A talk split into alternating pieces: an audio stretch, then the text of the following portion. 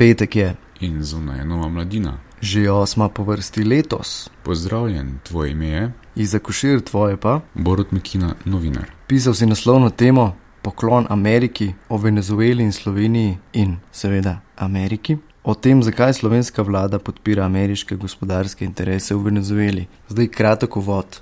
Venezuela je kompleksno vprašanje, javnost je še vedno razdeljena, kot je videti, kar je pokazal tudi intervju s prehodnim venezuelskim predsednikom v delu in potem še komentar delovih novinarjev v odmevih na nacionalni televiziji.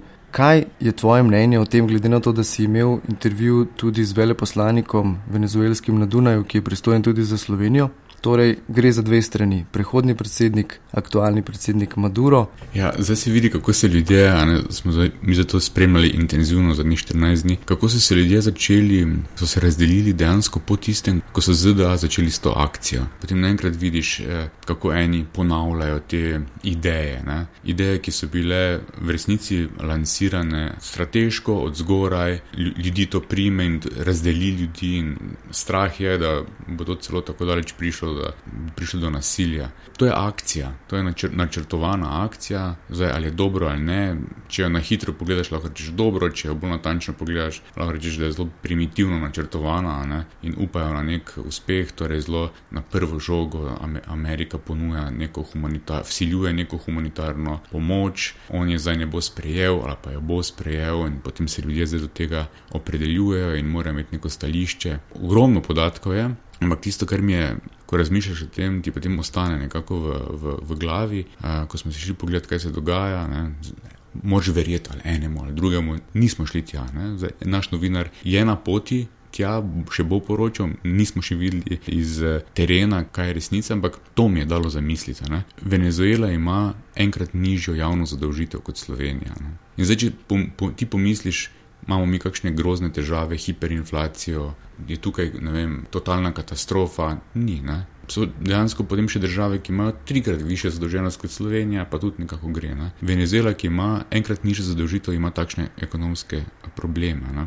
Finta je v tem, da je ta dolg v dolarjih. Pri nas je v evrih, recimo, večinoma. Tam je v dolarjih, oni so vkleščeni. Ne?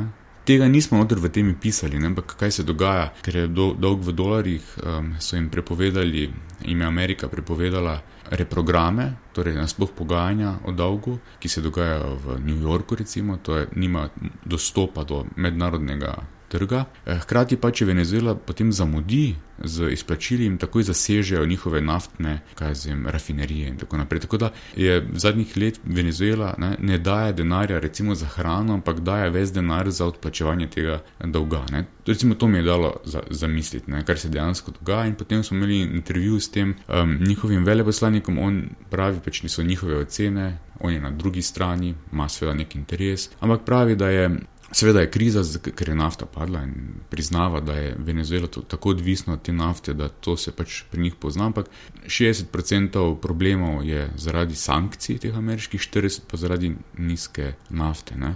Venezuela je bila v 90-ih eh, ekstremno, je šla v smer ekstremnega kapitalizma, neoliberalizma, ki je bil takrat modern po vsem svetu, še hujša katastrofa kot zdaj. Eh, in so se ljudje uprli, izbrali, izvolili takrat Čaveza, on je naredil socialne programe in tako naprej, ampak ta politika je na oblasti že od. Zim, od dva, leta 2000, kar je precej dolgo obdobje. Ne? In verjetno je logično, da, da so se začeli tudi oklepati oblasti.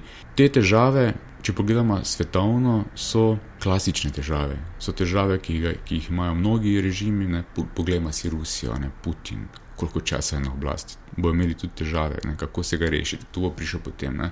To so ti boji za oblast. To so klasične težave politike same, ekonomske težave Venezuele, zgleda, da takrat, ko nam gre slabo, zaradi teh razmerij, njim gre dobro, zdaj gre nam dobro, njim gre slabo. Torej so v ekonomski krizi, vemo, kakšna je ta kriza. Venezuela je imela pred par leti približno isti BDP na prebivalca kot Hrvaška. To je nekako država, ki, um, ki bi si jo morali predstavljati. Tisto, kar se zdaj dogaja, je uh, intervencija Amerike, v, ampak v samem tekstu v mladini, o katerem smo pisali, smo pisali o slovenski politiki. Tukaj pa je povsem očitno Slovenija pridružila temu z nekim neverjetnim argumentom.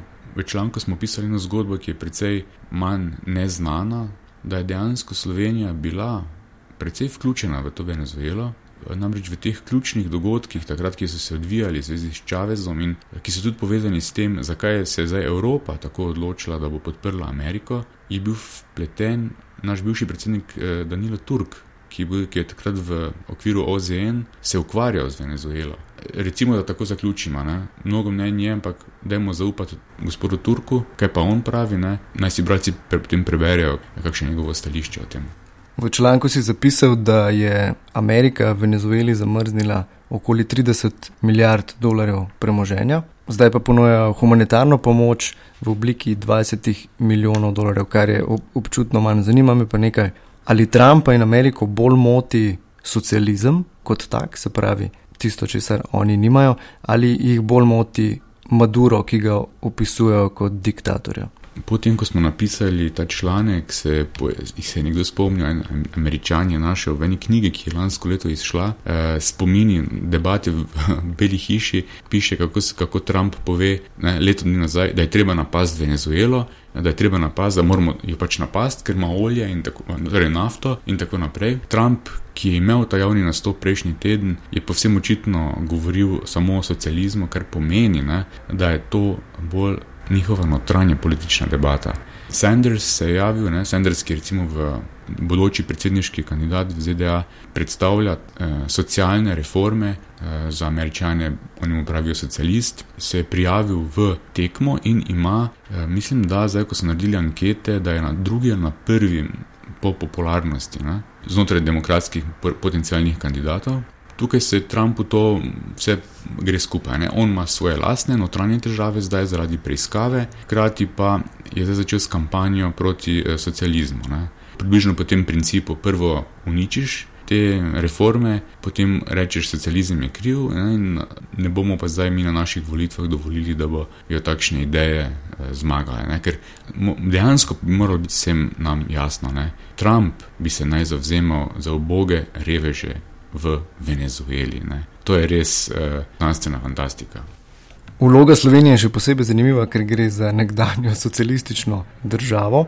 Hecna pa je tudi vloga Mira Cerera kot zunanjega ministra in slovenske vlade, ki sta priznala prehodnega predsednika Venezuele, kar mimo državnega zbora. Se pravi, mi tu o demokraciji, oni pa. Mislim, verjetno tega nisi opazil, ker, kako bi rekel, jaz sem bil zdaj obseden s to temo in sem si tudi pogledal vse te njihove um, pri, izprireditev uh, streame iz Amerike. Ko je imel Trump ta govor, ne, ne vem, če si videl, ampak Trump je imel govor, ker je zdaj pred enim, pred par dnevi, ker je napovedal to pomoč venezuelcem. Ta njegov govor je začela Melania. Ne, in Melania začne ja, we know socialism, 20 years, uh, disaster, socialism and communism and drdd in tako naprej. Živela si tukaj, veselnici, ne bilo ti je lepo, uh, nič ti ni manjkalo, kaj, zdaj boš govorila o 20 letih uh, trpljenja v, v komunizmu. Maš prav, ne?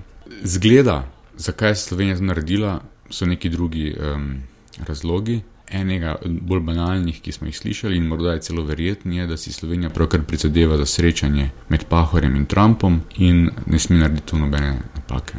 Tako banalne razloge, verjetno. Več pa si priberite v zelo obsežni temi, ki si jo napisal v Novi Mladini, kot si pa že omenil, pa je naš novinar Erik Valenčič že na poti tudi tja, odkudar bo poročal z terena. Povej, kaj si lahko še preberemo v novi številki. Imamo uh, dober članek od starša o Emi Klovučar, naši rojakinji, ki je tudi napovedala, da bo kandidirala za predsednico eh, ZDA, potem eh, intervju zdravko počevalšek, Magna in vse te dileme, boj med delodajalci in delavci, eh, konflikt, s katerim se je začela Šarčeva vlada, imamo tekst o sendviču, zabaven tekst Marcela Štefančiča o sendviču, In imamo tudi, v mladini se tudi skriva odgovor na vprašanje, ali naj predsednik uprave privatizirane NLB dobi višjo plačo, ne 168 tisoč evrov bruto, ampak pol milijona evrov bruto na leto. Ogromno denarja. Hvala Boru za ta pojasnila, več pa v novi mladini in pa seveda tudi na naši spletni strani 3x2nv.mladina.js. Hvala tebi in lepo pozdravljen.